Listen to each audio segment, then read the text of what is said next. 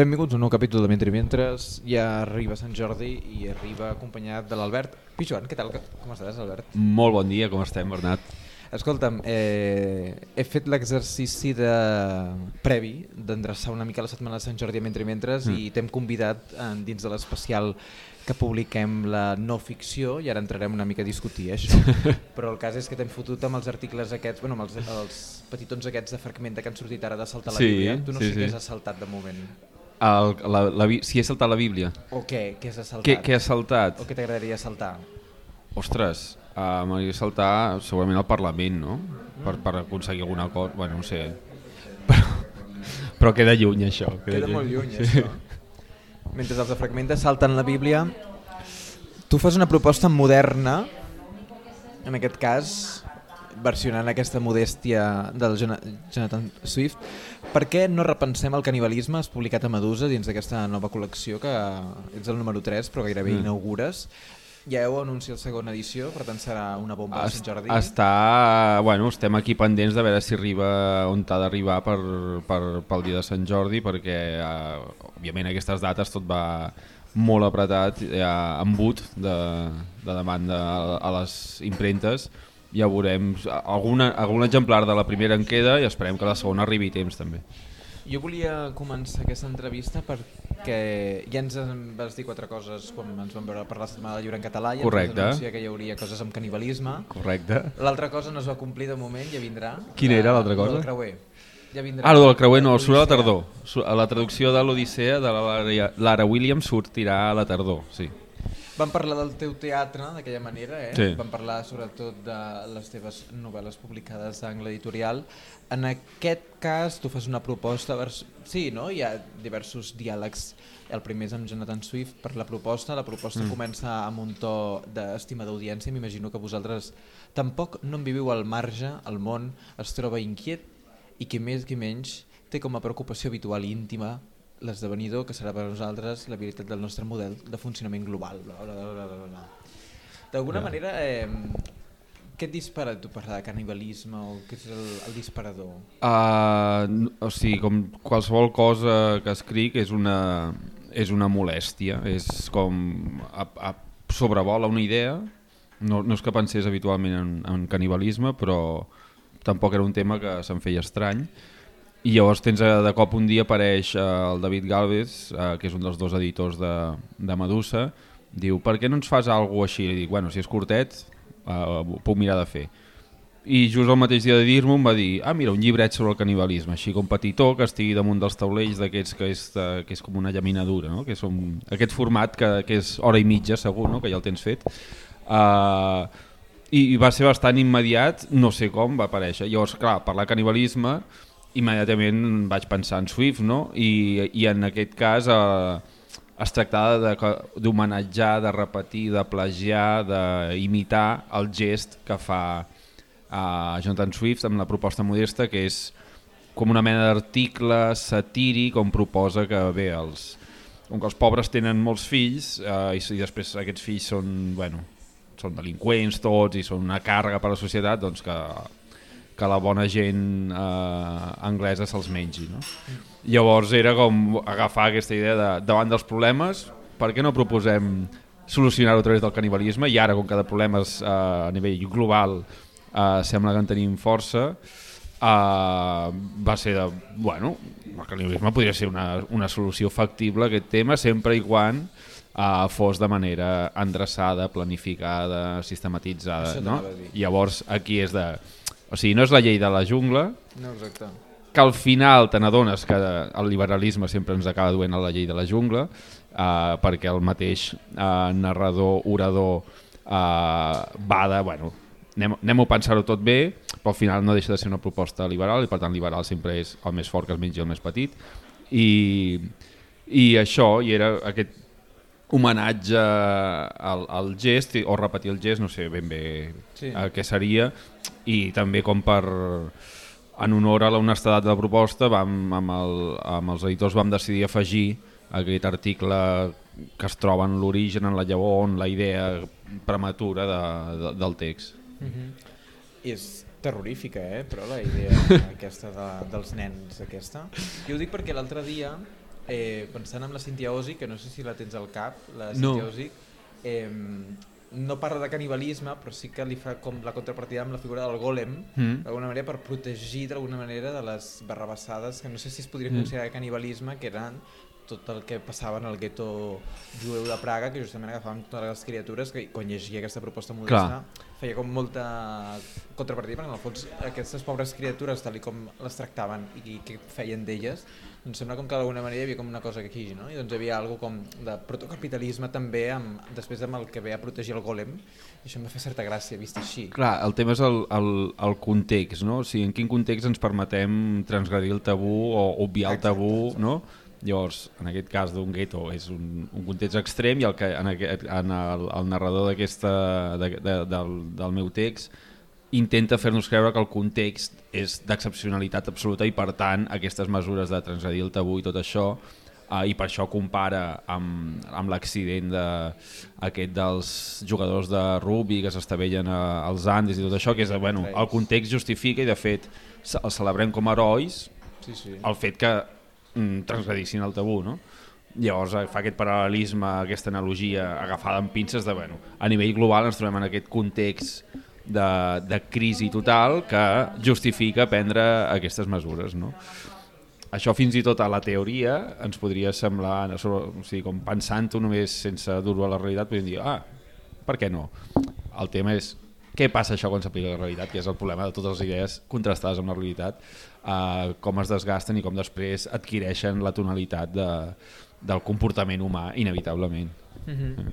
La qüestió del tabú i la qüestió gairebé et diria eh, de jurisprudència i de legalitat que tota l'estona envolta el llibre que fa que t'inventis conceptes, paraules, Sí. anacro no? eh, Ah, neologismes, eh, clar, això al final, uh, o sigui, el, el tema del canibalisme no deixa, no deixa de ser un, com l'excusa o l'exemple del, del, del tema que realment que volia parlar, que és com uh, la manipulació, la tergiversació del llenguatge en el moment que entra en l'esfera pública i en el moment que ha de servir com per uh, dirigir el comportament de la població, no? I en això estava tenia com bastant fresc el cas de d'un listo, uh, un listo que era el Frank Lutz, que era l'assessor lingüístic de l'administració Bush. I uh, aquest home, que es presenta com a expert en l'emocionalitat del llenguatge, doncs es dedicava a manipular conceptes per presentar a, a la població coses que d'altra banda serien aberrants. I a ell li devem la, el concepte de canvi climàtic. Uh, fins abans de Frank Lutz i fins abans de l'administració Bush parlàvem de uh, global. No?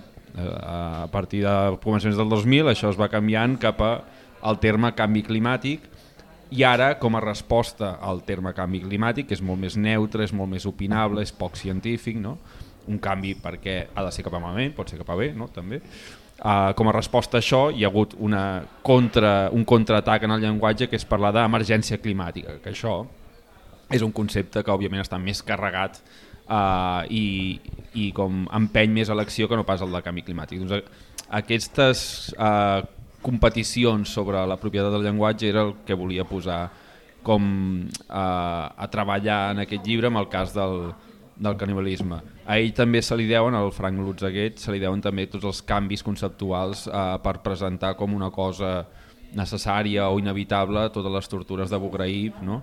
Llavors, en lloc de tortures parlant de tècniques d'interrogatori eh, intenses, no? Eh, eh, quan els deixaven, en, els donaven una setmana sense menjar, els li deien gestió de l'alimentació. No? Llavors, Aquest tipus de canvis conceptuals era, eh, aplicat el canibalisme, era com s'ho faria Frank Lutz, o sigui, com, com manipularia el llenguatge i com ens distanciaria de la cosa no?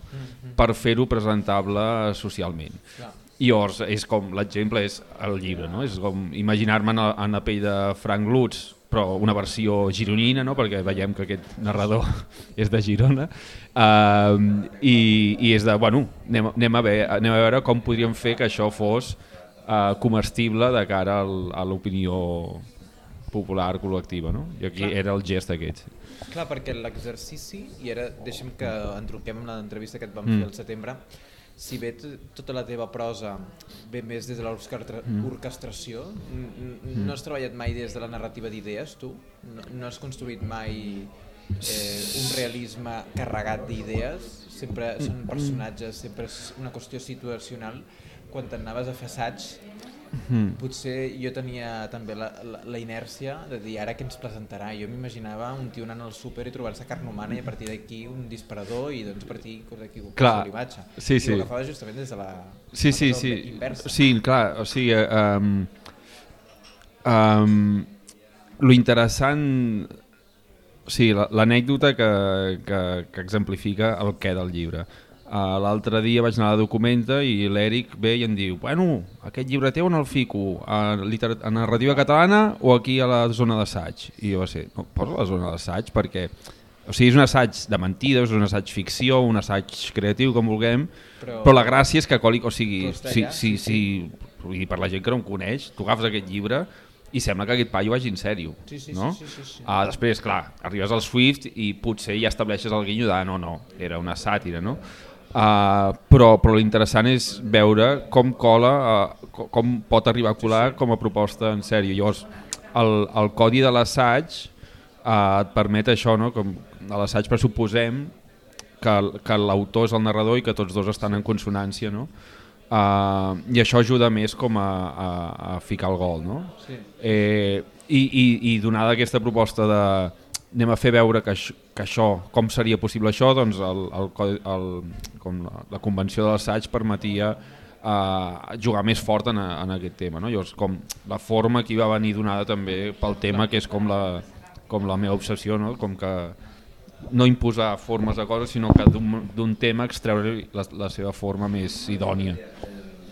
De tot el Sama, del Konak 1, de ara està resseguint totes les paraules que crees Sí. i jugues, i a més tot un joc tota l'estona, eh, de com els adverbis els agafes del francès, alors, Bueno, hi, ha, hi ha de tot. Hi ha una barreja de llatinismes i frances, de francesament que, bé, és, també aquí era com la picada d'ullet o la paròdia de tot text d'autoritat, tot Sí, text sí. acadèmic que sempre eh, tendeix cap a aquestes dues llengües per vestir-se més elegant. No?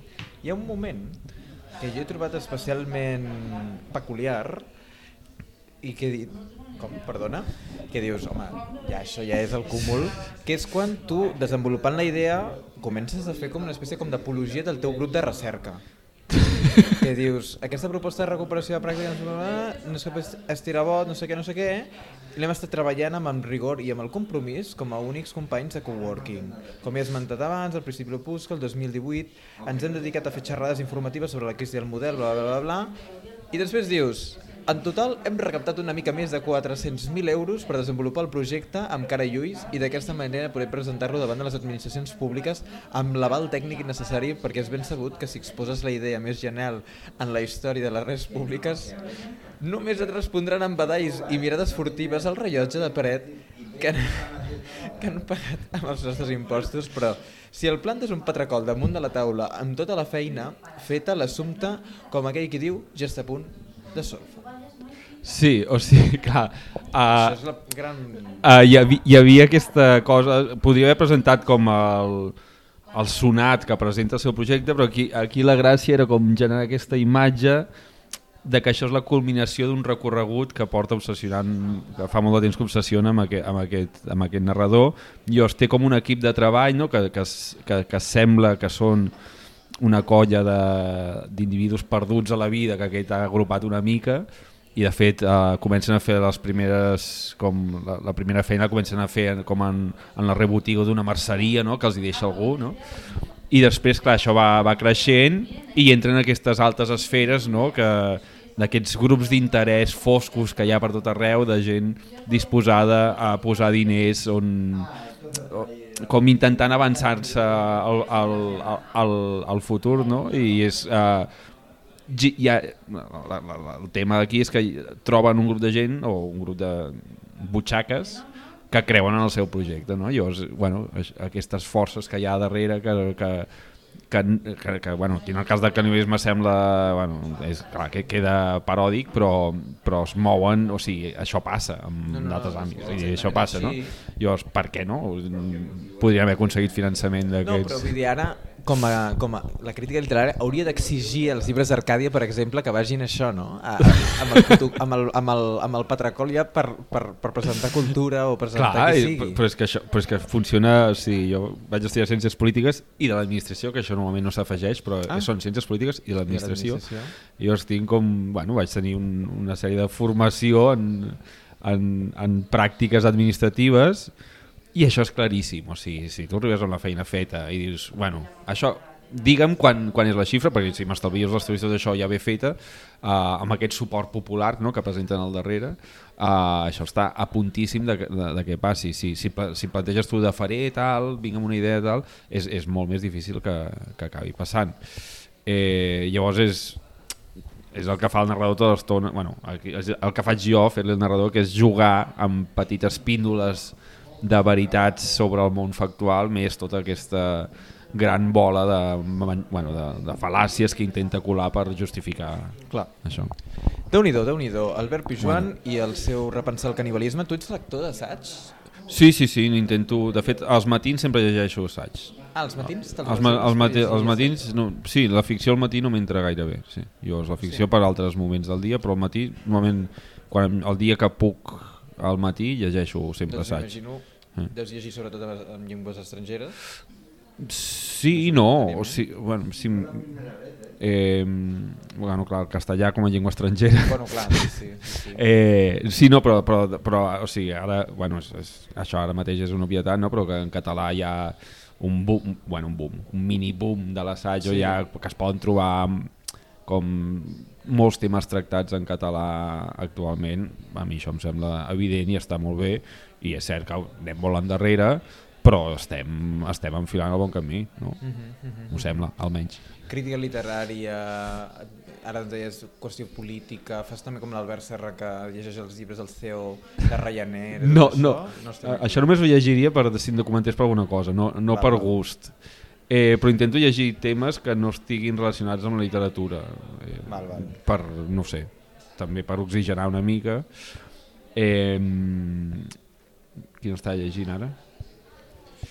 Ah, ah sí, just, just m'està llegint el de l'Ogreixi quan va morir, el de, el de Ah. que aquest, que aquest me'l vaig llegir, sí que me'l vaig llegir en anglès, el de Gràcies per no llegir, que és un, un recull de d'articles, no sé, conferències, no sé què és.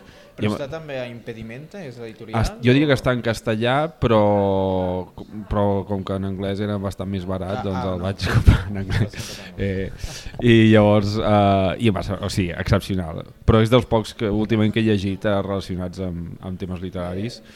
Uh, no sé, com temes eh, sociològics, antropològics, una mica el que, el que caigui. Un, un dels que em va agradar més últimament és un que tracta com l'ésser humà va desenvolupar el llenguatge a partir de, uh, del pentinar-se i del, com del cuidar-se del, del cuidar-se Cuidar-se. del cuidar-se El- el mútuament el, el, o sigui, del treballar-se el cabell i la neteja personal en companyia això, Desenvolupa el llenguatge. això hi ha, hi ha un paio que eh, ara no recordo com es diu el llibre només està en anglès um, uh, i que després si vols et puc mirar com es diu. Pues, pues, uh, això. Que, que com en, en la nostra fase més primerenca el, el fet d'estar com en companyia asseguts cuidant-nos això obligava a establir algun tipus de, de, de vincle, a guanyar confiança i a la vegada d'establir com les fronteres de la tribu a través del llenguatge, que és el, el safareig, no? el safareig neix aquí i el safareig no deixa de ser una forma de, de, de controlar, generar identitat a, a la tribu i tot això es fa en l'espai, o sigui, quan estàs caçant no pots parlar, llavors això es fa en l'espai de uh, les cures i del i de d'això. Llavors se'n va no sé quins tipus de, de mones que, que són bueno, que, que tenen com un llenguatge bastant desenvolupat per ser mones i es veu que són les que es passen més estona com treballant-se el cabell i tot això. Tornant al teu llibre, eh? la qüestió Sí. tabú, la qüestió canibal, eh, a mi em portava a una tensió que no hi ha, no hi ha aparegut tant, que és la qüestió digestiva, que ara Sí. sí. a l'hora del dia, eh, la calòrica va fer aquesta no, proposta en la dimensió digestiva Sí. això de menjar insectes Firefly? Firefly, sí, sí.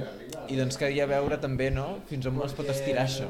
Sí, i clar, aquí hi ha una connexió perquè aquí també es menciona, que això és un fet real, cert, que ara mateix a la Unió Europea ja legalment es pot comercialitzar com a aliment tres tipus d'insectes, no?